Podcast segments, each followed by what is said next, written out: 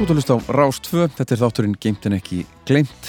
Ég heiti Mattias Máru og Magnússon, plata dagsins er Brostin Strengur með Leiló. Og áður en ég spjalla við Lófisu um þessa frábæru plötu Brostin Streng, ætlum að kíkja aðeins í Flatey með söngkonunni þar sem hún gengur um eiguna og spilar By and By. Takkið eftir fugglónum og hlustið eftir.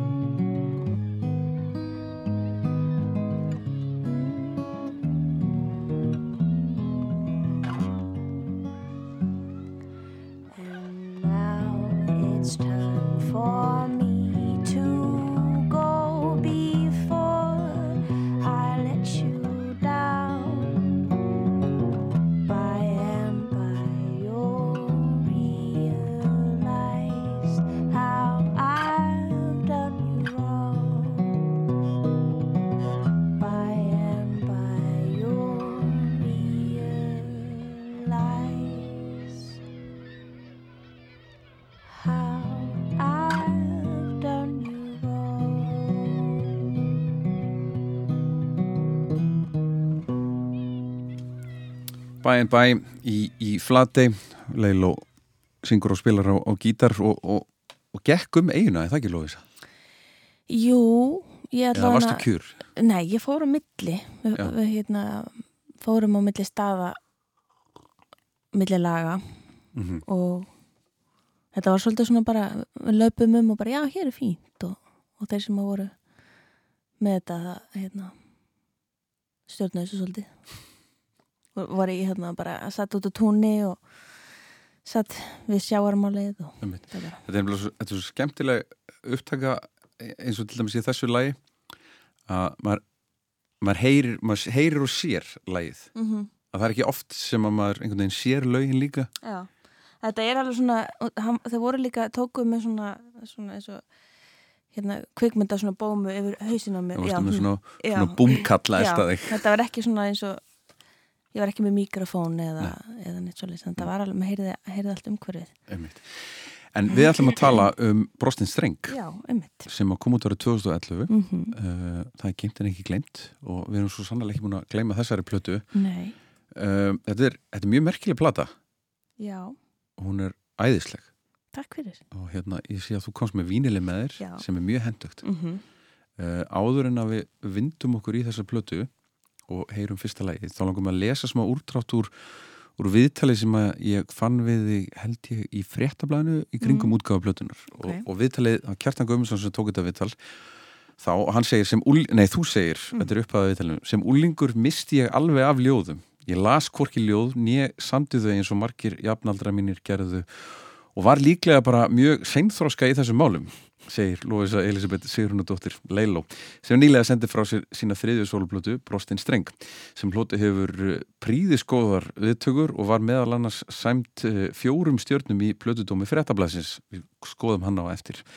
Á plötunni syngur Lóisa eigin ljóð við, syngur eigin lög við ljóð íslenska skáldkvenna frá ymsum tímum. -hmm. Já, Já. Þetta hefur breyst. Þú ert búin að lesa ljóð núna. Já, núna. Um, og það var eiginlega einmitt. Um, þetta byrjaði eiginlega bara út frá því að að mér langaði svo til þess að semja meiri, meira á íslensku. Já. Búin að vera að semja á ennsku bara og, og þa- þarna var ég búin að semja bara tvær plötur á ennsku Mhm. og var alltaf einhvern veginn. Enskan alltaf þitt móðum á líka Já, rauninni, ég, hérna, pappi minn er byrja í Breitlandi og ég fættist í London og, og byrjaði að tala ennsku hann fyrst því ég var að að byrja að læra að tala. Mhm. en, en svo hérna, flutti ég yngað mjög, mjög ung þannig að íslenska er líka svona mitt móðumál en ég einhvern veginn var voðalega smeyk við það. Ég, ég held bara að ennskan hafi komið svolítið bara út af áhrifavöldum það sem maður var að hlusta á svona það var svolítið mikið að me, me, meira hlutina var, var að ennsku og þá fer maður svolítið svona auðvelt einhvern veginn að fara í, að feta, það er leiðir sko að fara bara ennskuna mm -hmm. en en mér langaði að semja mér á íslensku og og byrjaði þá að lesa fara að lesa ljóð til þess að svona einhvern veginn fá innblástur. Og þetta byr, rauninni byrjunin alveg allra byrjunin var að hérna, vinkonu mín sem ég bjóð með þeim tíma hún átti bók sem að mammanar hefði gefið henni. Hún var svona rauður og svo falleg lítil svona íslensk ljóðabók. Er það bókin á umslæginu? Það er þessi, já, Já. það er þessi umtala, þetta er svo tankrækt, hérna, coverið, hérna, það er þessi ljóðabók sem ég si- sit og eins og ég sem er lokuð höfun eða sopnuð yfir, yfir henni. En við vorum einhvern tjóman að sátum út í, í, hérna, út í hljómskálagarði og, og hérna í sólinni og drökkum bjór og, og vorum, vorum hérna heilan dag Að þessari bók? í, í guttlýsir bók að, að, að skiptast á að lesa upp fyrir hver aðra. Og það, það kveiknaði eitthvað í hjá mér. Við vorum alveg, ég held að við vorum báðar svona, við vorum rosa svona þetta snert okkur svo djúft við vorum alveg, held ég bara svona tárast yfir þessu og það var svona alveg upplifun. Og það, þar fer ég svona einhvern veginn að- að tengja við ljóðin á þennan hátt þegar ég var yngri þá var bara svona ljóð og ég þarf að læra þetta utan að bara eitthvað svona. Ga- Gamla hérna íslenska einmitt. sem gilda þarna. Og það, ég var ekki, ég var, ég var um 25 ára eitthvað því ég upplifi ljóð svona á þennan hátt. Og, og, og þar finn ég ljóð sem að uh, snerti við mér og heitir Sorgin og var þessari bók. Og Já. það er undina sem að gera sér ljóðabók. Og ég pröfa að semja lag við, við ljóðu, þá kemur bara svona frekar hratt, kemur bara til mín bara mjög fljótt og það, það er fyrsta lagið sem ég sem. Mhm. þarna var bara eitt lag komið og ég var ekkert að hugsa um neitt meira en svo bara einhvern veginn held ég áfram og uppkymur hugmynd að bara gera heila plötu og þá er ég einblina aðalega á ljóð eftir konur því að einhvern veginn ég tengdi betur fyrir það allan að þá. Þannig að þannig var, byrjaði þessi hugmynd Hann er byrjað, já, einmitt, yfir bjór Já, í Hljómskálagarðinu á suma degi eins og, eins og marga góðar hugmyndir eflaust Já, Förum í fyrsta lagi, það heitir Horfið. Þú, þú byrjar plötuna á, á þessu lagi. Hver, hvaða uh, skald kona á Horfið? Það er Valborg Bensdóttir Já. sem að á þetta ljóð Mhm. og ég, hérna, þegar ég er að fyrir að stað þá fer ég að lesa rosa mikið að ljóðbókum og, og það er svona sömar konur sem að veginn, það eru fleiri ljóð sem ég tek svona afsýðis og, og tengi við og það voru alveg nokkur frá Valborgu Já. sem að ég tengdi við og þetta, þetta ljóð horfið hérna uh, varð svona hérna var fyrir valinu og þetta gítarleik sem að kom í læginu það einhvern veginn það, það, þetta er svona fyrst getur, hérna, það er svo allt öðru sem semja lög með ljóðum Já. heldur en þegar ég er að semja mín einn lög Mhm. með, þá, þá kemur lægið oft fyrst en þannig er ég að lesa ljóðið, ég er að læra það, ég lesa aftur og aftur og læra það og svona sönglaði hausnum á mér og svo sest ég niður með gítarinn og það, það kemur lægið eftir á einhvern veginn, reyna að tengja þið við ljóðið og Mhm. þannig kom þetta gítarleik dú, dú, dú, dú, dú, dú, dú.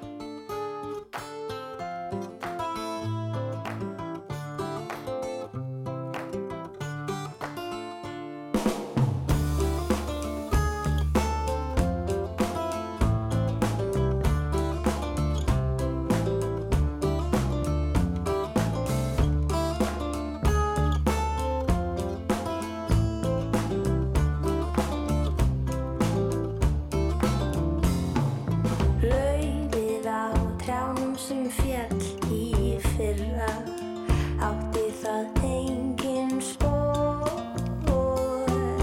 Nú hef ég gleymt þeim ástar orðum sem þú hvíslaðir að mér í vor. Sem þú hvíslaðir að mér í vor. Sem þú hvíslaðir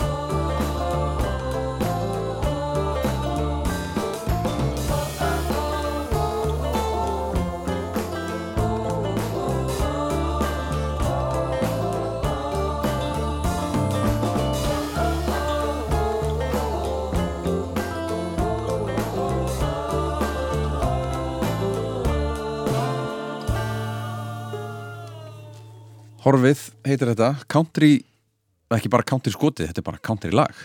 Já, ég, mér finnst þetta að vera svona country fólk svona, já, svona einhvern veginn krossar þarna eins á milli Eh, eh, Þetta ljóð heitir Horfið og einmitt eins og sagði ráðan eftir, eftir Vilborgu Bentsdóttur Valborg. Valborgu fyrir ekki, þetta er, þetta er, hérna, þetta er þungt ljóð. Já, þetta er það það er það sem að mér fannst svo einhvern veginn, ég tengdi við Þetta er rosa svona þingsli í þessu. Já, það er það. En hérna samt rosalega flott svona millingin í Mhm. gangi í þessu. Já, en hérna, en samt mjög svona tregafullt á Já. sama tíma. Einmitt. Og sem sagt Gítarleiki kemur fyrst bara við, við upplestur á, á, á ljóðinu og svo, svo er bara eh, einhvern veginn ertu búin að hlaða rosa mikið ón á þetta? Já, þetta var upphálega bara eh, ég og hérna gítarinn og svo uh, fer ég í stúdíu og þá hérna er ég að vinna með Magnúsi Öttir, Mhm. góðum vinnum mínum og hann er, vinnur þess að plötu með mér. Og þá bara fyrir við svona að pröfa okkur áfram sko. Já, með hérna alls konar e, útsetningar og, og það var, við fórum svolítið mikið e, líka í svona mm, hljóðpælingar. Já, að mikið tekið upp á, á teip og reynda að gera svolítið svona gamlan hljóm. Gamla, gamla hljóm.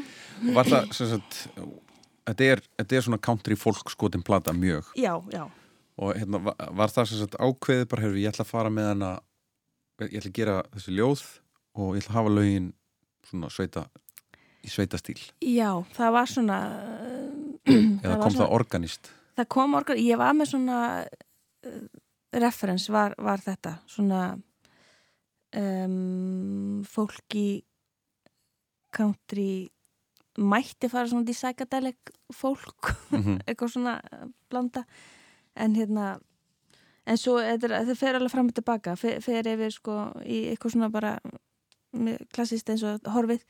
Og svo fer því mjög svona svít dæmi sem er svona bara hugluft og svo er eh, sumt af þessu mjög þungt -hmm. sem ég þurfti alveg svona að fara hérna umræðu um hvort það væri við hæfa að spila á Rás 2 en það fekk að fara, það var að reyna að fá mig til að gera radio edit og svona ég, ég gerði ekki, en það fekk samt spilun. Hvaða lag var það? að brostin strengur.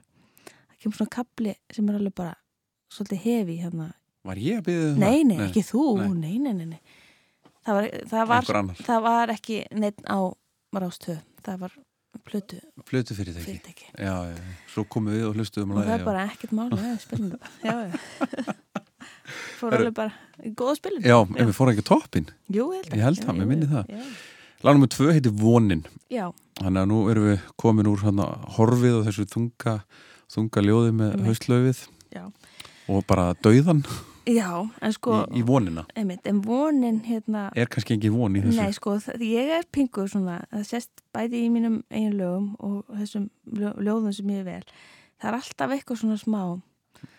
Melankólist. Já, eins og, ég meina, lagi vonin, það byrjar svona, á veikri líftaug, vonin mín hjarir. En hún kemur aftur áður um varir. Þannig að þetta er svona, það er vonin. Þannig Mhm. að ég var að reyna í þessu lagi að uppbyggingin í þessu er svona, það er svolítið æst svona. Þannig að það er svona smá, svona, hva, hvað maður að segja, uh, það er svona smá örvænting Mhm. í að reyna að finna vonina. Svona, hérna, það er svona, í undirspilinu það er svona, svolítið svona, já, ég var að reyna að ná því, sko, svona örvænting að finna vonina og svo kemur svona millikabli sem er alveg bara svona, eins og maður sé komin eitthvað í eitthvað, eitthvað ský Já.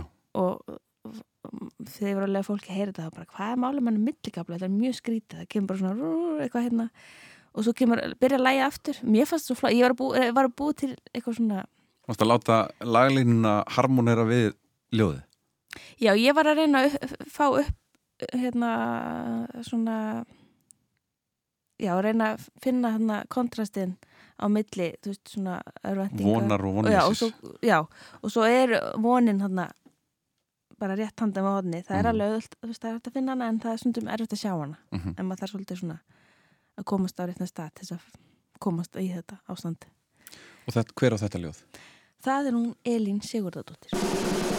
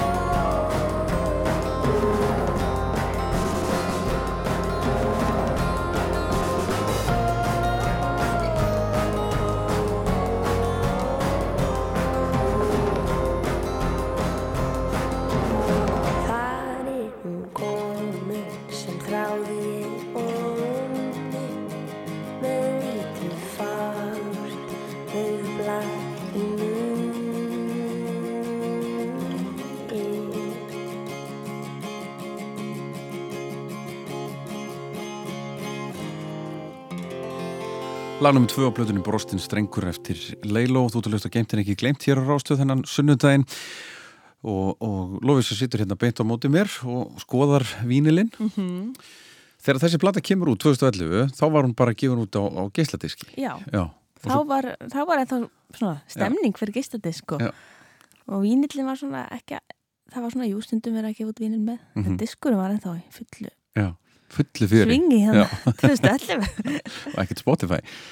Um, og, og svo færði hann í hendurnar bara, hún er gefin út á vínil í fyrra, það heiti fyrra, tvö ár síðan veitu kannski. hvað var það, fyrra hitt fyrra, já, Já, þá, það, þá var svona verið að hérna, halda upp að hún náði að fara í gull já, sölu. Er. Já, hérna, Og fannst ekki gaman að fá að halda Það var svona nokkrum ára setna, bara svo nátt hún alltaf að líti út. já, það var rosa gaman. Já. og hérna bara mér þykir svo vænt um þessa plötu þetta er eiginlega mín uppáhaldsplata Mhm. þú, þú talaðu um það, þetta er líka mínu Já. uppáhaldsplata.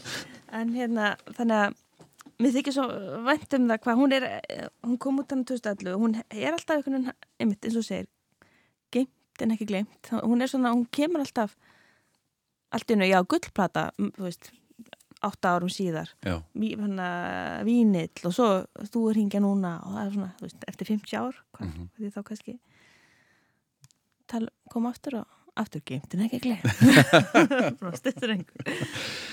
en, en þetta, er þetta ekki líka svona plata sem að þú ert stoppuð eftir tónleika og, og svona verið að ræða við þig um lag og lag?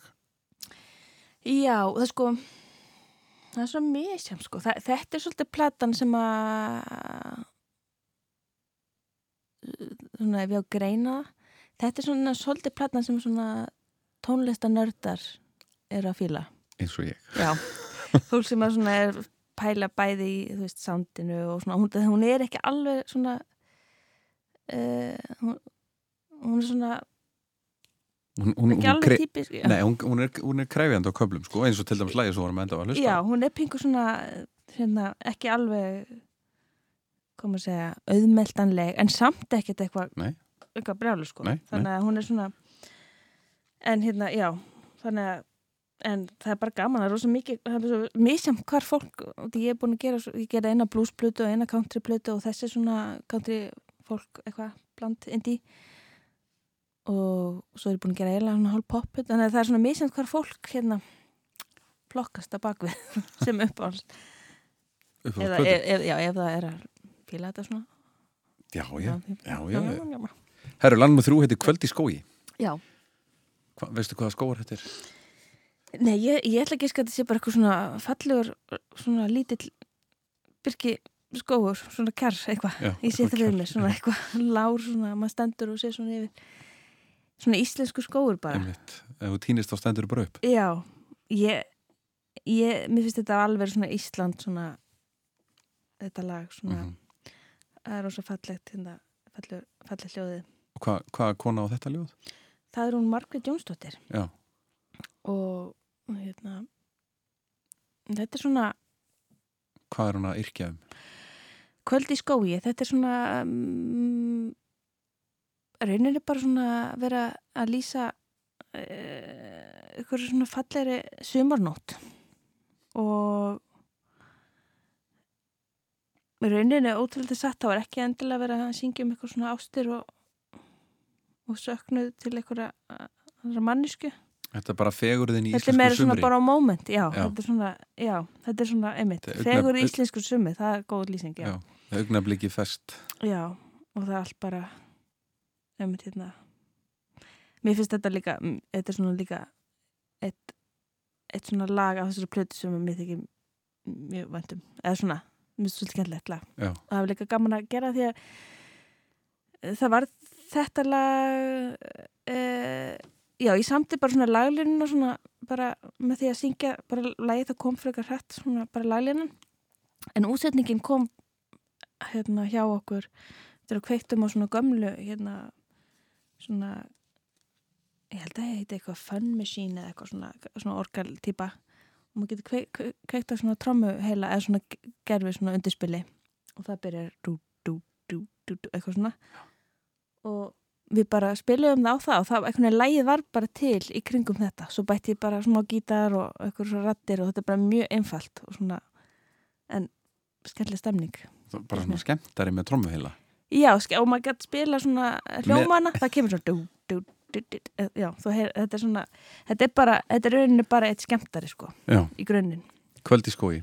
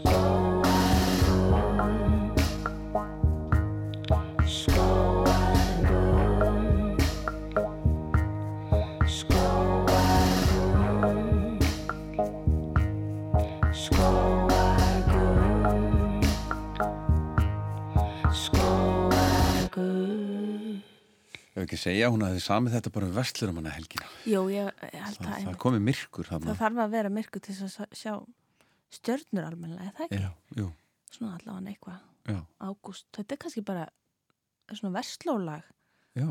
síðan hvað hva ár það er, ég veit ekki hvað ár þetta kom út Já, Þegar þú kláraði síðan blötuna og, og gafst hann út og fylgdir henni eftir og fó, fó, ferði í gegnum það, það ferli allt saman, læður ljóðin frá þér eða helst áfram að lesa?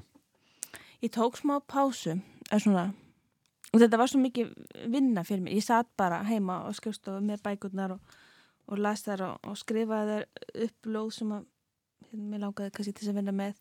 Og svo var ég með Excel-skjál búin að lesa þessa bók aftur að lesa þessa bók, aftur að kaupa þessa bók alveg, ég með lista. En svo er ég alltaf að taka eitt annars lagið og halda áfram og ég er með í vinslu svona brostin streng 2 Já. og er með svona já, ég kom, kannski kom með helmingin spennandi. Og er svona, já, að halda áfram í þessu. Þetta er endalust af runni. Þetta er nú að ljóðum. Finnst þér þú hérna hafa orðið sterkari textaðundur eftir þetta? já, e, já, allavega e, já, ég allavega aðeins verið að semja íslensku eftir þetta. Mm þannig að þetta, Og það liggur be- kannski betur fyrir þetta er bara eins og. Maður er búin að eh, bara, einhvern já, já. læra að- aðeins að hérna svona fá, fá þetta í inn í, inn í blóðið. Mm -hmm. Gleimir er næst sem er lag sem er hlustendur á svo tvö þekkja. Já. Byrjum á konunni, skáldinu. Mm það er Sigurlaug Guðmundsdóttir sem sem þetta ljóð.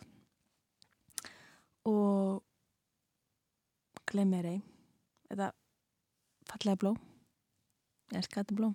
Mm mm. -hmm. fæst þetta svona á lópabissun mm og hérna, Vinsælt tattoo? Já það. Já, gleymir þetta, Já. já, já. ummitt en já, þetta þetta hérna ég held að þetta, svo ég segi það. Mást að humma lælinu Ég er, um- já, ég hef hvað er hægt Nei, ég er um til að hugsa Þetta er eitt af þessum lögum sem að eru já, nokkur svona lög sem eru bara eitt hljómur. Já, um mitt Ég held að sé þannig, ég held að sé kannski skiptist í já, þetta eru rauninni eitt hljómur. Ég man ekki svo lasi að spila þetta. En það er kannski hérna allavega mjög einfalt. Já, En það er aðalmálið er rauninni uppbygginguna eh, svona stemningin í uppbyggingunni Já. og svona það kemur svona eitthvað keðjusöngur svona í gang í og í þessu lagi er svona hérna, skýrt dæmi um hvað ég er að gera Ég- mikið eh, í mikið af þessum lögum. Að ég vildi ekki ég, vildi, ég, ég var ekki mikið að taka lögin nei, ljóðin og breyta þeim. Nei. ég söng þau svolítið bara svona streit straight. Já, uh, ég var ekki búa til viðlag taka við, texta, svona, ég ákvað bara að þau eru svolítið straight. Þannig að oft eru hérna, eru viðlögin svolítið bara svona, svona mm, söngl. Já. textalöst hérna, eins, eins og þessi leið þá er ekkert beint viðlag en þá er bara hérna, versin svona sterk með ljóðunum mm Það er svo hérna eins og við, við, við hlustum eftir í útvarpinu það er hérna all lagið er bara húkur Já, það var svolítið erfitt einmitt að, hérna, það var ekki mikið auðvitað að búa til eitthvað svona viðlags húka. Nei. en nema náttúrulega með svona einhverju, einmitt, einhverju eins og hérna í horfi þá var gítarleikið. Nákvæmlega. Og þetta hérna í þessu er eitthvað svona hú, hérna, það er mikið að úi og húi og la la la. Þessu- Það er hægt að tralla sig í gegnum Já, allt. þetta, þetta var einmitt svolítið svona tralliplata. Já, glemir ein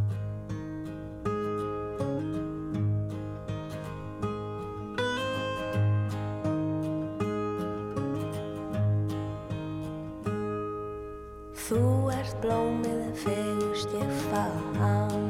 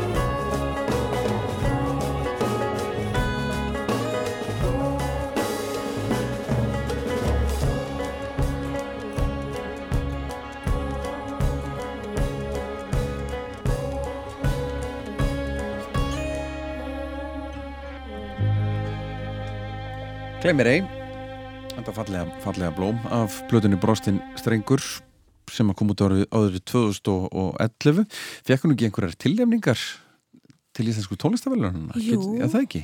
Ég held hún að vel fengi nokkra sko. Já hérna þú ert búin að gleyma því Já, Manmaður Jú. þetta nokkuð ég, um, ég var að reyfið upp um daginn, ég var að gera svona uh, fyrirskrá, þá þurfti ég að fletta þessu upp. Um, ég held að það hafa verið alveg, eppel fjóra, fimm tilnefningar. Einmitt Og það var alveg, hérna, Finnst þið það skipta máli eða, eða það, já, bara, það, það, það er svolítið svona, það er píkur svona, það er ekki ástæðan fyrir að gera músík nei, en það er skemmtileg svona viðkynning. Já. Og hérna, og þetta verður maður svolítið montinn, sko, að, að fá svona. mm hérna við svona tilnefningar og, og, og, og verðlunir og góða dóma. Þó að í rauninni ég hef líka að gefa út efnið sem hefur ekki fengið neina tilnefningar og ynga dóma eða eitthvað og er samt líka ána með það. Já, en þetta er svona bara ekstra svona. Já. en hérna en já, þannig að það er mjög, það er mjög gaman. Mhm. Næsta lag er Brostin Strengur Við erum alveg að vera búið með, með aðliðina já, það er tvö, já, Já. Þetta er svona smellurinn. Já, þetta er hérna mitt, hvað maður segja, titil titillægið. Já. Um, Er þetta lagið sem að plötuferðið ekki vildi gera útarsútgafu af? Já, Já. það átt að taka út hana millikabla sem að myndi ég segja að væri svona einn af svona það sem ég, er eina skipt sem ég er, er að gera svona gítar rock solo með overdræfi og látum. Já, og svo kemur plötuferðið ekki að taka það út. Já, ég er ekki eins og sé alltaf eitthvað hamast. En, en hérna já ég veit ekki hverju þetta, ég man ekki alveg hverju þetta var svona ég held bara að þetta var svona fljótt uh, var þetta svona eitt af uppal eða svona, mér fannst þetta var svolítið svona fílingurinn á plötunni. Já, ég held ég að svona, að rétt, það er svona, þetta er svona um, já, setti svolítið tónin mm byrjum, á, byrjum á ljóðinu. Brostin Strengur. Já, það er hugrún sem sem er ljóðið. Já, Og- hvað er brostið? Sko strengurinn, já, þetta er nefnilega hvað er brostið. Það er nefnilega, ég sé þetta fyrir mér, þetta sé svona, það er eitthvað svona strengur á milli eitthvers sem Tveggja. er, er búið, já, sem er brostin. En fyndi var að út af, því að þegar ég skrifaði þetta upp, ljóðið, þegar ég, þegar ég lesið þetta í bókinni, þá skrifaði ég það upp Mhm. og, og vann svo með það. Og ég var að vinna með lægi, nei, með ljóðið, eiginlega næstu alveg þangar til við gáum það út að ljóðið héti brotinstrengur Já, og, og þetta var byrjað að vinna cover og allt bara brotinstrengur, brotinstrengur og svo fer ég að sko- hérna, skoða þetta. Og þetta hérna, í cover í hérna, um, plötumslæðinu sem er mjög skemmtilegt þá tók hann Bobby Breiðholt tók, og tók alla bækunar og skannaði ljóðin beint úr ljóðabókunum. Þannig að þetta er alveg printið eh, þetta- já, já letu gera þeim Leti gerur hann allt Já, eins og í löðabókinu og þá sjáum við, það er brostinstrengur þannig að það var mjög fyndið að fatta það að ég er búin að að vinna með þennan plötu titil og lagatitil sem Mhm. var vittlust hjá mér. Mhm, en það nefnilega kemur ekkert fyrir í læginu neitt, brostinstrengur eða Nei. brotinstrengur þannig að ég söng, söng það rétt inn á plötuna en tit, titilin var já, sem betur ver Já, ég, þetta var gott En um, Já, mér finnst þetta að vera einmitt svona Það er þetta að tólka þetta svolítið á, á, á, marga vegu sem að er, Svona, sem að gera ljóð stó, stó, svo stórkostleg. Já, einmitt. Hver og einn getur svolítið Ég svona set svolítið svona, það er svolítið svona dramatík í, í, í hérna í læginu sjálfu hvernig ég tólka þetta. Mhm, það er, ég er svona með tengingu þú veist, svona Ísland og, og hérna, eitthvað ástir og, og svona söknuð og, og þrá þetta er allt svona í bland sem kemur fram í læginu. Brostin Strengur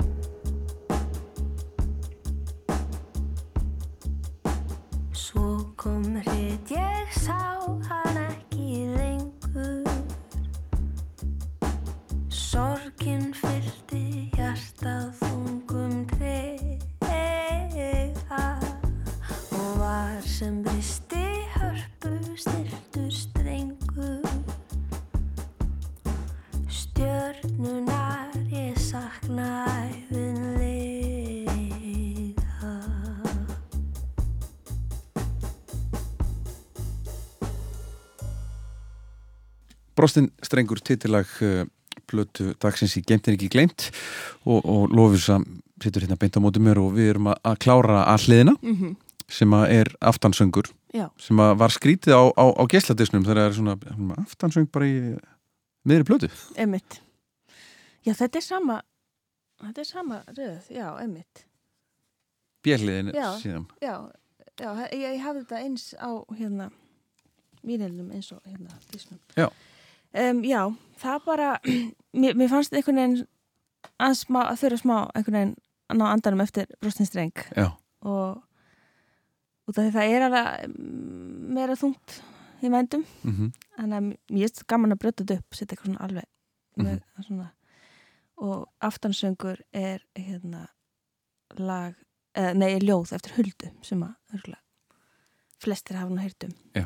og mér finnst þetta svo afskaplega fallið hljóð og ég og kærasta mín hún Agnes er sömdum þetta saman bara í stofunni. Og hún er söngkonuleika og hérna, hefur hjálpað mér mjög oft í, í svona í þessari vinnu. Og var þarna eitthvað að hjálpa mér og endaði með hún eða tók bara við að semja þetta með mér sem að var aðeinslegt þannig að í þessu stað syngjum við þetta saman og, og þetta er bara svona lástemt og, og fallett aftansöngur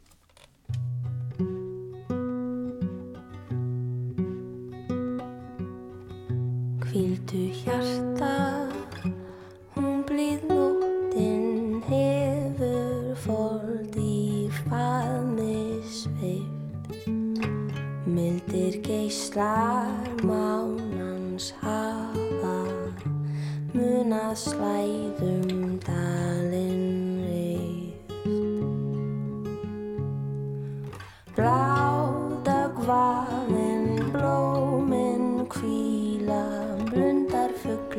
este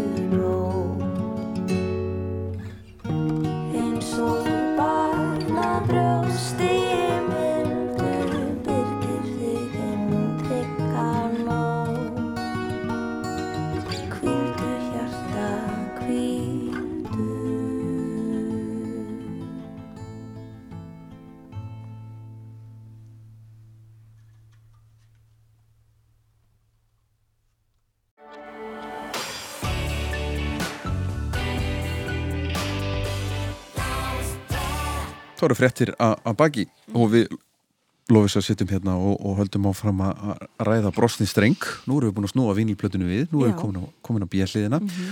og áður en við förum í, í fyrsta lag á björlið sem he, heitir Lífið, Mhm.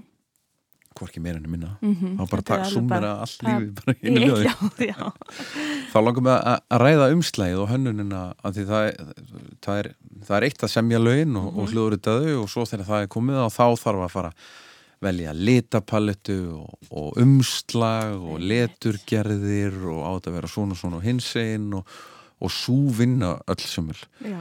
Uh, ertu hefur hefur sterka og mikla skoðun inn í þessu ferli við plötu útgáfu eða, eða finnur þú bara góðan hönnuð og bara gjöra svo vel? Já, mér finnst oft bara gott að lefa hönnuðunum að þess að, að hérna, hanna, hanna. já, Ég kannski ef ég er með einhverju hugmyndir Mhm. þá hérna, hérna uh, kem ég þeim áfram en oftast eru þær bara uh, miklu betri hugmyndirna frá hönnuðunum sem veitir hvað er að gera. Og þú veist Bobby Breiðolt, Já, við erum, við, erum gamli vinnir og hérna, hann hefur gert fyrir mig alveg nokkra, nokkrar hérna, plötur. Mm og ég er alltaf mjög ána með allt sem hann gerir. Hann er alltaf snillingur, já, eins og sést hann á mikið í hérna, af plötum hérna á Íslandi Og, hva, og þegar þú heyrir í honum og, og byður hann um að hanna, umslæði, hvað segir við hann? um, Manstu það kannski ekki? Sko, ég sagði orður rétt Nei, ég manna ekki Ég held að þetta hafi svolítið verið bara í baðan um að hérna, finna eitthvað gott og hann vissi konseptið Já. og ég held að hann hafi verið með þessu hugmynd að, að, að hérna, taka öll ljóðin og skanna þau inn beint af ljóðunum Mm og það kemur rosa flott út að þetta er svona mismundi textagerð og, og hérna maður sér einmitt þetta er svona skanna beint inn af ljóða Úr bókinni. bókinni og Nú verði ég að spyrja, er það lögleg? já, ég held að við einmitt hérna höfðum samband við eitthvað út af þessu já, Forlögin, já, það var einmitt að plötu fyrirtækið Já. fór í þetta bara. það var farið að töða þetta og ég var búin að náttúrulega hafa samband við alla eiginlega flestar af þessum konum eru látnar. þannig að ég er búin að hafa samband við alla uh, erfingja ljóðana og, og spyrja um leifi Já. og þetta er náttúrulega allt skráð á þær Mm stefið, eða þú veist hérna. Þannig að ég passaði með að vera ekki að stela neitt af neinum í þessum efnum Hér er all löglegt. hér er alltaf, Já. já. sem er bara skemmtilega því að ég á hérna, lögin en þær er að ljóðin Mm en, en hérna, já og svo uh, hérna, vinkonu mín, hún Jónína Dela Rosa, hún tók myndirnar Hún tók myndirnar, já. Já. Þetta er svona grátt og brúnt, þetta er, það eru fái litir en svona uh, já, þetta er svona sterkir. svona vitna í svona eitthvað svona, svona gamla ljóðabók feeling sko. Og um, það var það voru nokkra myndir svona sem að vera að vinna með þannig sem coverið endum á þessari, hún er mjög einföld þetta er hérna, hérna ég setjandi í sófa með bók um, Og svo er mynd að vinna aðstöðinni þinni. já, Eða er þetta svona, Svona- fært í stílinn? myndi já um, Það er aðeins öðruvísi í í, Já, þá er þetta er bókin. Þetta finnst mér flottara sko. En þú segir hérna í, í, þökkunum, þar segir takk, takk, takk. Ég ætla ekki að fara að lesa það allt saman upp. En það segir kæra þakki til allra kvenna sem að sendu mér og lánuðu ljóð. Já, einmitt og ég hérna líka þegar ég fór stað þá auglist ég eftir löðum Já, og fekk alveg dópíu. ég fekk hérna, hérna mjög jákvæð svör, fekk Mhm. nokkra bækur sendar og, og, og hérna og ábendingar og bara mjög gaman einhvern veginn að að vinna þetta og ég held bara áfram með, með, ég er með svona hérna, skáp heima sem ja. verður bara svona hvenna ljóða skápur Sem að er, að er að kikna undan álægi núna. Já, hann svona, eða, eða safnast hægt rólega núna, núna ég, þegar, þegar ég var að vinna þá fór ég bara út um allt var hann að kaupa þetta, vildi eignast alla bækur ekki bara fá að lána þar á bóksafni Mm en hérna, en já þetta er, og, og, og segir hérna upptekur fóru fram í orgelsmiðinni hið ágæta sumar 2011. Var, Mhm. var það gott? Ég, það var fínt, það var, Já. það var gott sko það var alveg, ég man að það var svolítið erustundum að vera inni í, í stúdíónu Já. það var hérna ein- eins og flest vita, þá eru stúdíu oft svolítið svona ekki mikið að glukkum og alveg lokað og stöfi Mhm. þannig að en við fórum stundum bara og fengum okkur piknik við, Já. í alladalum Einmitt. Og nú er að hlitfö, Mhm. lífið. Já. Þetta er ljóð eftir uh, Guðrunu Magnúsdóttur mm -hmm. og, og það er bara lífið. það er lífið Er það hennar líf ég held að þetta sé bara lífið, Já. lífið okkar sem, heil, Eh. sem heild? já en hérna eins og við, við byrjum bara að lesa ljóðið, það er lífið er stormkviða, vonirna veikar vitnar í lægi vonin Mm -hmm. Eh, vetrinum háðar sem smá rósir bleikar Já, Þannig að við erum svolítið svona, veist, lífið okkar er svolítið eins og stónkveða Mhm. og við erum svolítið svona dansum bara í ve- veðrum og vindum. mm eins og Höfum ekki mikla stjórn Nei, og hérna, þetta, mér finnst þetta alveg rosa flott ljóð, sko. já, viltu halda áfram? Að ég lesa? Já, Eh, Vetrunum háðar eins og smárósi bleikar, ástana blindrið er bölvunar rél. Leið voru á skerjóttum, hafvillu hrönnum, hælogum bálkint af táldrægum mönnum, glemdu því aldrei að gæta þín vel. og passa, passa sig á mönnunum. Já, ég ætla að klára síðasta. Sigraðu lífið með sæl þess og hörmum, sjáðu svo ljóma af deginum vörmum, ofar en táldrömmum fjöldans er fært. Fjöldan sem reykar í villu og voða, vanans í fjötrum sem aldrei má skoða, sannleikans árblik svo sigrandi skert. Vá, Mm þetta er, þetta er, Þegar maður heyrir þetta svona í ljóð, þú heyrir miklu betur textan heldur þegar ég er að söngla þetta, sko. Þannig ég mæli með að, að fólk kaupi plötun. Nei, að fólk lesi ljóðin líka. er með, já. maður næri einhvern veginn að meðtaka miklu betur, sko. Mhm. Og ég, ég er sammála, ég mæli með að fólk fara og kaupi sér þetta á vínil því að þetta er, þetta er sterkplata og einmitt, það er gaman að lesa ljóðin, Já. hvort sem er uh, Mm með eða án söngs, -hmm. helst með Helst með. Lífið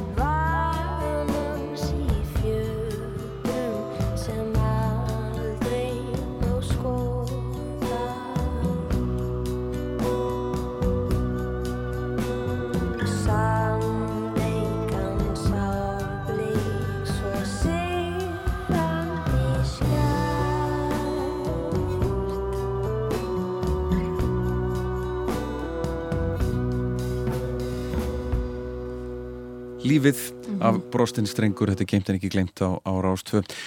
Herru Lóðisa, um, langar þess að tala um, um upptökuferlið og, og hljóðheimin sem, a, sem að þið sköpuðuð þið Magnús Ötter á Mhm. þessari plötu. Mhm. Þið eruð að nota uh, teip Já, uh, viljandi já, og í mjög sérstökum tilgangi. já, til já, það var alveg, uh, eftir ég fór, eftir ég tók upp hérna, plötunum sem kom út undan þessari, Farewell Good Night Sleep, þar sem ég fór alveg í, í hérna, allt á analog og teip og svona, þá einhvern veginn var ég alveg ástfangin af þessum hljóðheim. Það er rosa mikið vesen. Það er rosa mikið vesinn og þetta tók rosa langa tíma og Magnús var að, hérna, að græja teipvélina sína, ég held að hann hafi verið að gera þetta í fyrst skiptið svona á teip, þannig að það tók okkur svolítið langan tíma að fá þetta þetta hljóð, Mhm. þetta var ekki bara eitthvað, ah, plug and play, þetta var alveg bara margir dagar eitthvað, dúk, dúk, dúk. Neða, þetta meira, dúk þú veist, pröfa trómmu sound okkar en mjög ánum með útkomuna. Og, og hérna Og svo teip út um allt. alveg erfiðsins fyrir, já, já. Maður sé fyrir Magnús leikur með úið hár og flættur í teipi. En þetta var hérna mjög gaman og hérna og bara gaman einhvern veginn að ná þessu svona einhvern veginn já, bara það er ekki oft sem að ég, ég, á þessari plötu náði ég einhvern veginn náði Magnús að skinja og skilja nákvæmlega það sem ég vildi Já, Við er erum búin að þekka svo lengi líka og erum svolítið oft svona svipum nótum þannig að þetta var, var gott samstarf. Og við Þannig að þú fór- þarft að segja mjög lítið til þess að hann skilji. Já, sko, við fórum eiginlega bara ekkert, þú einu skiptin sem við myndum fara að rífast var kannski yfir hvað við ættum að borða.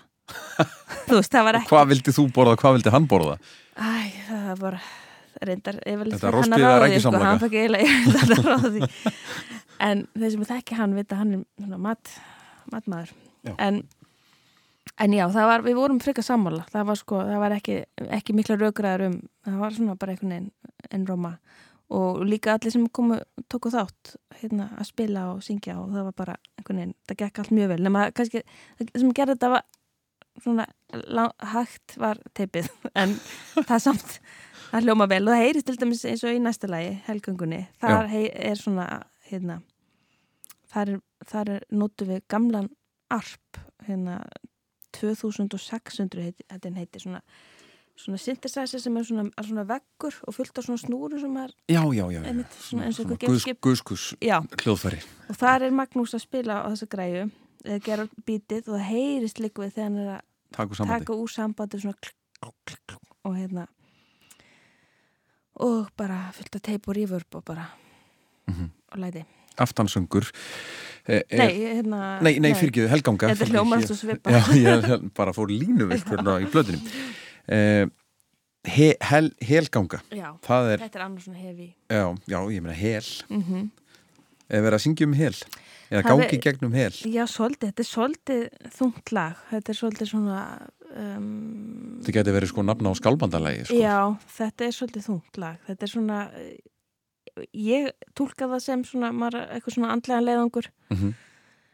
um, en það þetta er líka bara bókstallega um það, um eitthvað sem er að komast áfram í gegnum brjálaðan storm Og fastur í miðjum stormi Já. þegar þetta er ritað. já, Já. þetta er bara um það að reyna að komast í gegnum það og hérna sem er viss, viss helganga sko Mhm. og, hérna, og það er alveg hérna, mismyndu hvernig fólk tólkar það í sínu lífi sko en það er alveg sennilega flesti farið gegnum e- einhvers konar svona tímbil Það er bara, eh, já, það er partur af, af lífinu. lífinu, já. Já, nákvæmlega. Er, er, er, settur þessi, þessi lög viljandi saman, hlifið hlið? Nei, svona eftir á að gaman að sjá hvernig það er að ræða. Ég var svolítið að hugsa, hlusta bara Já. hvað hljóma svona, en, en, en textalega séð er þetta líka að ganga upp. Mm Þannig að þetta er allt svona, það tengist allt, allt að tengja. Ég held nefnilega að það gerist sko ómeðvitað. Já, það, hérna, það var sko eftir á, gaman að horfa yfir plötun og segja, já, ég valdi þessi ljóð. Það er svona viss, það er svona viss, hérna, viss tema á þess að ég hafi ákveðið það. Og það er bara örugglega ég að, að, hérna, að koma í gegnum ljóð, ljóðun sem ég valdi. Þannig að þetta er svona, Án Eva, tengist allt saman. hel ganga. Svört nótt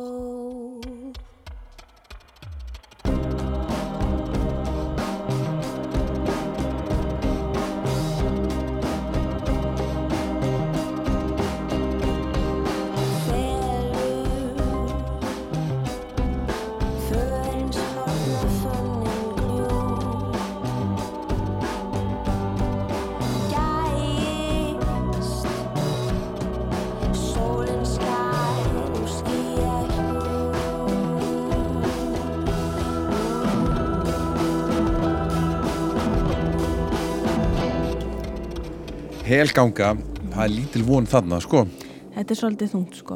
Þetta er doldið þungt. Já, já. Leið sem engin veit, hva, nei, það er hérna í, í, fyrsta, hva, hvað segir það hérna Eh, Svört nótt næðir kalt um hljóðan reit. Já, svo Áfram, engin rétta stefnu veit. Engin rétta stefnu veit það, mjög, sterk, sterk lína Já, einmitt. Þórhildur Sveinsdóttir Svo sem samt þetta ljóð. Já, Mm, Það væri áhugavert að vita hvar hvað hún var að. Ef við ekki bara vona að hún hafi e, sett upp skáldhattinn og, og skáldað Já, hún sé- var ekki lent í þessu sjálf. Já, einmitt. En það er sko það kemur það, það, sé fyrir endan því að sko í öðru versi dögun, allt er horfið, engin slóð auðnin, þylur eirum þagnarljóð felur för hins horna fönnin gljúp og gæi sólinn skær úr skýja hjúp Nei, þetta er svolítið hefur hann er bara, það er bara horfið já. sporin og allt og, já, þannig að en sólinn kemur upp. Sólinn kemur upp. Já, hún kemur alltaf. Já, hún kemur alltaf og, og hérna en já, það er kannski þessi litla vona glæta já það spurning hvort að maður týnist eða ekki. nákvæmlega, nákvæmlega. Næsta lag er Gleðileg blóm. Já, það eru nokkuð blóm þarna það er svolítið blóm, blómafýlingur. Já. Um, já. Og þetta er einmitt e, þetta, já, en Íslendinga bara eh, semja mikið um blóm það er svolítið það, Það það er- svo dýrmætt þessi blóm sem koma í þrjá fá mánuði. ég meina það er blóm í þjóðsögnum okkar sko. já, einmitt. E, að- það er svolítið svona í, í okkur. E, svolítið græni puttar, Já, ertu með græna fingur?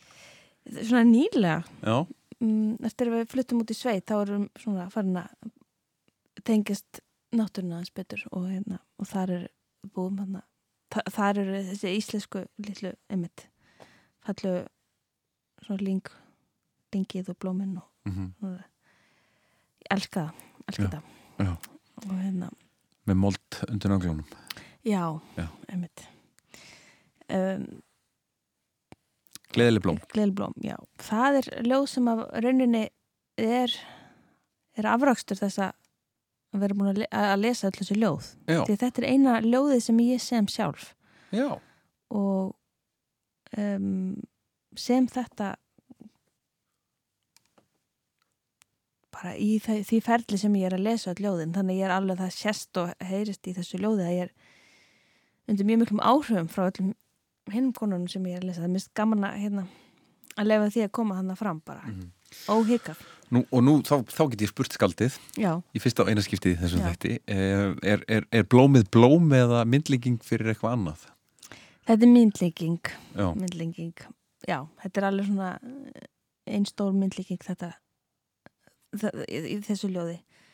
Það er kannski bara það er kannski svolítið hérna bara augljóst, ég veit ekki, kannski sumir, kannski ekki, Sum, fyrir sumum er hérna, sjá þetta bara eins og það heyrir þetta, en fyrir mér er, er, er ég að syngja svolítið um blómin, það er bara rauninni við sjálf, hvernig við erum að, að hérna að þroskast og, og blómstra. Mm og það þarf að huga blómum aðra huga blómunum og alltaf mikið af ljóðum og lögum sem að semjum þetta þú veist, Rósagarðinn og Mhm. þetta, all, þetta, er, þetta er ekki nýtt af hafi. já, þannig ég var svona að fara á þessa slóð með, hérna, og samti þetta bara á einu bretti til mömmu minnar hérna, og færðinni þetta og hún var náttúrulega alveg dóldi ána með mig sko ég kom með þetta lag til hennar Er hún það ekki alltaf? Jú, hún er það reyndar, hvort sem ég sem lög til hennar eða ekki. Já, já þín, þín helsta klaftýra. Já, og það sést í þessu lægi, þannig er ég svolítið svona að skrifa til hennar og, og hérna, þakkinni fyrir allt sem hún har gert til mig. Gleðileg blóm. Elsku mamma, ég á þér að þakka að nú get ég ræktað minn garð. Þú kendir mér margt og nú segi ég satt því ég sé þennan afrakstur nú.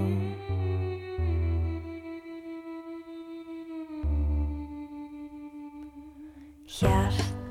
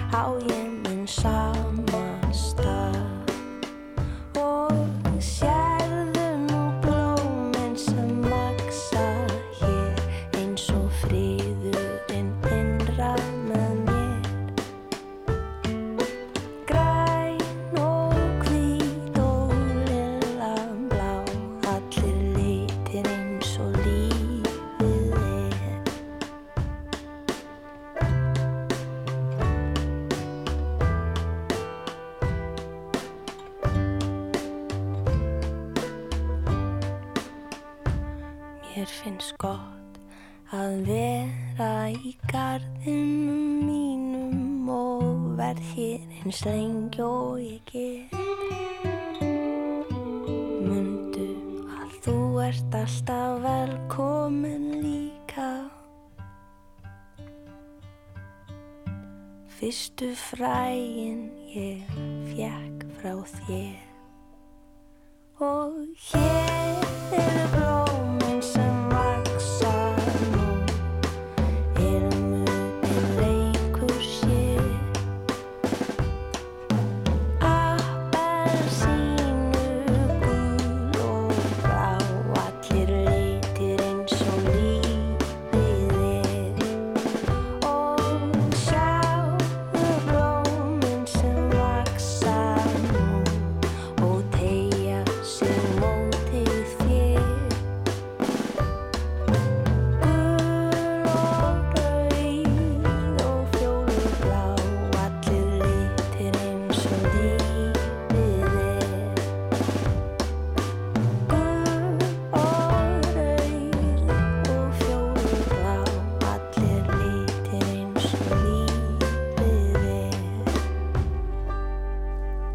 Elsku mamma, Já, gleðileg blóm. Það, það er allir mömmu, þannig að það er hægt að tengja við þetta. já, reyndar, já, kannski ekki alveg allir eiga mömmu, nei. en svona flestir, er vonandi flestir, eitthvað, Mhm. eitthvað foreldri eða Mhm. eitthvað svona sem að sem að er þessum stað sem að hefur le, þau í gegnum Mm erfiða tíma og svona þannig að þetta er svona mér þykir búið að væntum þetta lag og ég hef sungið þetta í ammalum og í jarðaför sem hefur verið mjög svona fallegt en erfitt. Þá, er ég sjálf alveg bara ú, -hmm. hugsa með mig mína sko. Að, þetta er svona, já. Þykir væntum þetta lag og hérna gaman syngja Mm Við höfum tvö lög eftir, Lóisa. Það er, uh, það er komið að í veikindum. Já, þetta er annað, það er, svona, það er svolítið svona tilfinningaþrungin lög hérna í lokin, ég er alveg ákvaða hérna fara að hleypa inn á eitthvað svona sálarstrengi hérna í endan mm og þetta er svona eitt af lögum sem að snertið við mér mjög djúft heitir í veikindum. Og það er Eva Hjalmarsdóttir sem að samt þetta ljóð. Og ég la, lasa þess um hana sjálfa. Hún var að glíma við veikindi allæfi Já, veistu hvaða?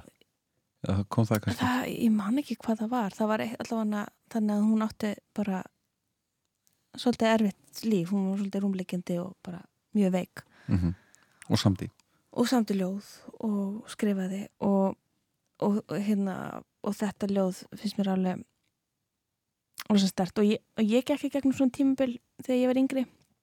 Og 23 ár sem ég var mjög veik og þetta og hérna og, og bara rúmleikindi eiginlega sko eins og Hva- Hvað var Ef ég má spyrja. Já það hérna þá gundist ég með hérna taugasjúkdóm í andliti og heilaæksli Já, og bara var ekki svona mjög, mjög það- mikið vesen í nokkur ár.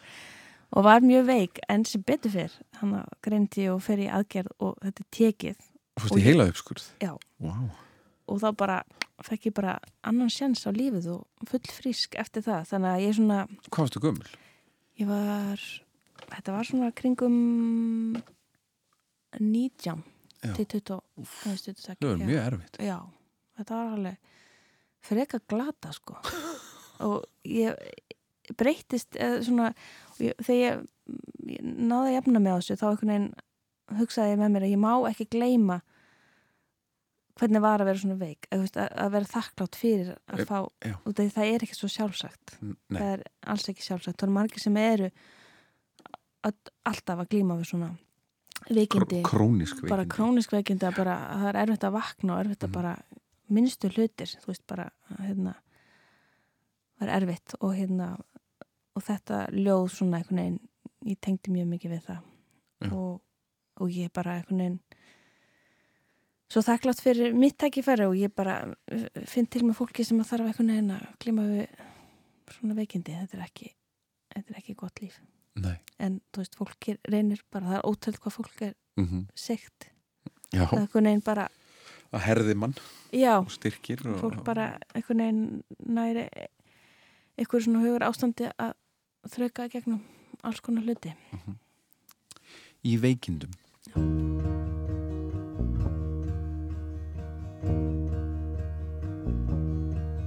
Hvílik ég svo þá Ég ligg því með vandar í fætunum á. Þólinn og verð ég að þreyja. Það duð í sísta láta kjarkin deyja. Mm.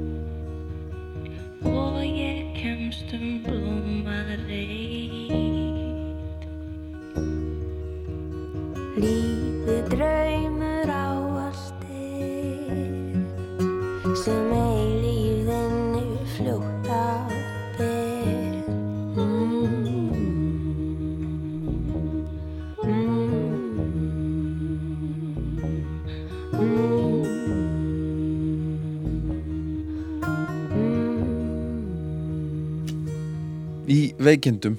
Já, og þú jafnaði þig á þínu veikindum? já, já, já. Já. Algjörlega fullfrísk og varst, þetta. varstu helmingi betri kannski eftir en þú varst fyrir hafði þetta verið að hrjá þér í einhver tíma? Þetta var raunin ekkert mjög langt tímabil sko, svona þrjú ári í heildina með, með endurhæfingu sko. Já. en hérna en uh, ég bara lærði ég einhvern veginn lærði að vera þakklátt fyrir það sem ég hef. Að vera frísk, sko, það er ekkert sjálfgeði Nei, það er heldur betur ekki, ekki sjálfkefið Herru Lófis, við erum komin að, að, loka læginu, við erum að klára brostin streng. Já, og það er sorgin. Já, rauninni sorgin, það sem að upp, þetta byrjaði upphafið á þessari plötu. Er þetta ljóðið sem þú last í já, þetta er úr, hljósklagarinum? já, úr hérna ljóðbókininnar undinu. Já. og nú skemmtileg saga ef það er tími. Það er tími. Að hérna það er hérna um, maður frá Kanada. Nei, ekki Kanada. Bandarækjanum, bandarækjamaður sem hafa samband við mig og segir hello, is it right that you're writing a song from a woman called Undina? Og ég bara já. Og, og hérna og hann segir mér frá því að hann hérna var komið til Íslands að leita af leita á slóðir hérna ætt hérna ætt, ættar sinnar og er hérna afkomandi undin þetta er, þetta er svo langt, ég, þetta væri heilt þáttur ef þetta fara að tala um þetta allt saman. En allavega undina hún hérna hérna kringum 1800 og hvað, þú veist, 80 eitthvað þá fer, flytur hún til bandaríkjana Hún er vesturfari. hún er vestufari og mikið af ljó, ljóðunum hennar eru þú veist, söknuður og veist, svona yfir þessu ástandi og, og saknar Íslands og Já, í- sem hún í semur í, í bandaríkjana eða Kanada. Já, já. Já. Og, og hérna, hún bara flyttur þangað og kemur aldrei aftur og eignast fjölskyldu þar og svona. Mm. þessi maður er batna batn hennar. Já, ég nefnilega þegar, á, hérna, þegar ég fór að stað og hafði sambandi við alla sem að hérna, tengist þessum ljóðum það fannst engin það fannst ekkert um undin hún var bara fór vestur og þessi bara hvarf. Já, það, veist, það var, það var engin skráðu fyrir hennar verkum Nei. og hérna og, og svo hérna bara þegar þessi plata komin þá hefur þessi maður samband. Til þess að gera langa sögstutta þá Mhm. hittust við og hann kemur heim í kaffi og við spjöllum og og, hann kom til Íslands bara já, hann er búin að koma nokkur sunnum og vissi af þessu og, og hann segir mér alla söguna hennar og, og þeirra og og hva, hvað, er, hvað gerist í lífið þessara konu? Af hverju, af hverju fer hún til bandaríkjana bara út af Erfiðleikum, já. já, ástandi hérna Já, Íslandi sko, fjölskyldanar fer og hún var ung þar, hvað, Já. ég veit kannski verið úlings mm -hmm. Stúlka. hún hefur ekkert val, hún er bara já, já, hún er ung kona og og hérna og Veistu hvert þau var flytja? magnaleg- þau flytja uh, ég man ekki hvar þau byrja hvort, það hafi verið hana uh, í Manitoba einhvers staðar því svæði og svo flytur hún hérna til bandaríkjana ég, ég verð ekki alveg með þetta hreinu sko. Ég er ekki sérstaklega svona góð í að muna svona Nei. hluti. Og, og hvað gerist í hennar lífi í, hérna, í bandringunum? hún bara hún hérna giftist manni og eignast börn og það, sko, þetta er rosa saga sem hann segir mér. Og ég, ég, ég svona var að hveitin til að skrifa þetta niður, sko, því að það fara að eiga þetta. Og og hann var búin að fá vinsinn og hann kann ekki íslensku sem maður.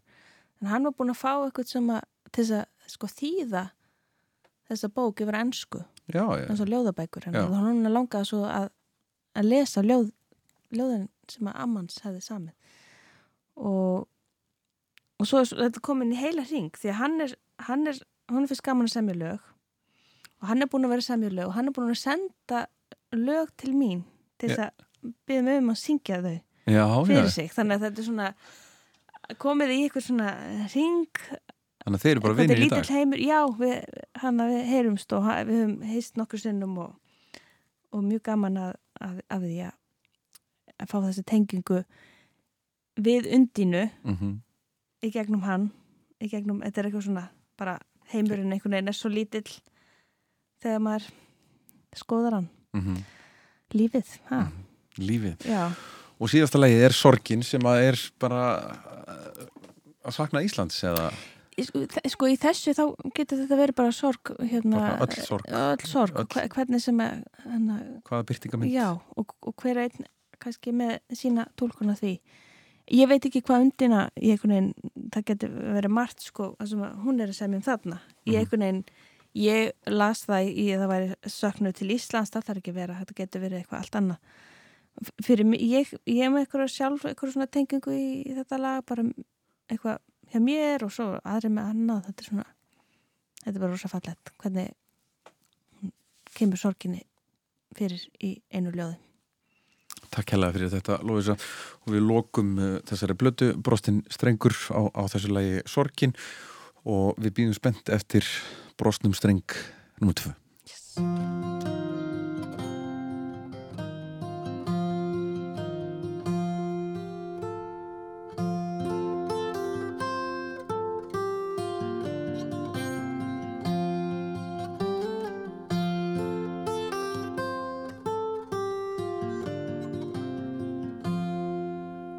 Hver lítur þá hrigð sem ég í hjarta mínu beig?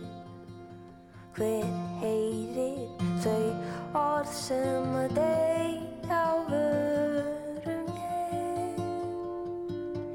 Ef tárin ekki falla þau telja engin má Þó týtri þau og und halmþrunginni brá Þó týtri þau og logi und halmþrunginni brá.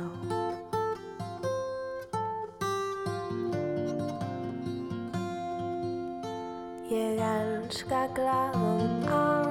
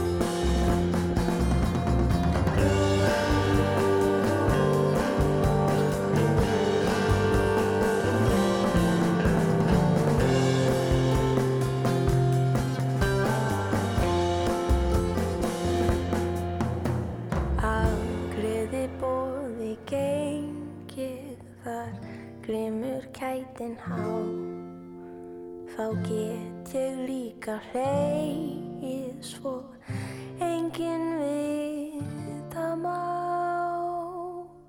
Hvað hjarta mínu síður hvað harmur minni sár. Hvað höfðu mínu þrengja en óburt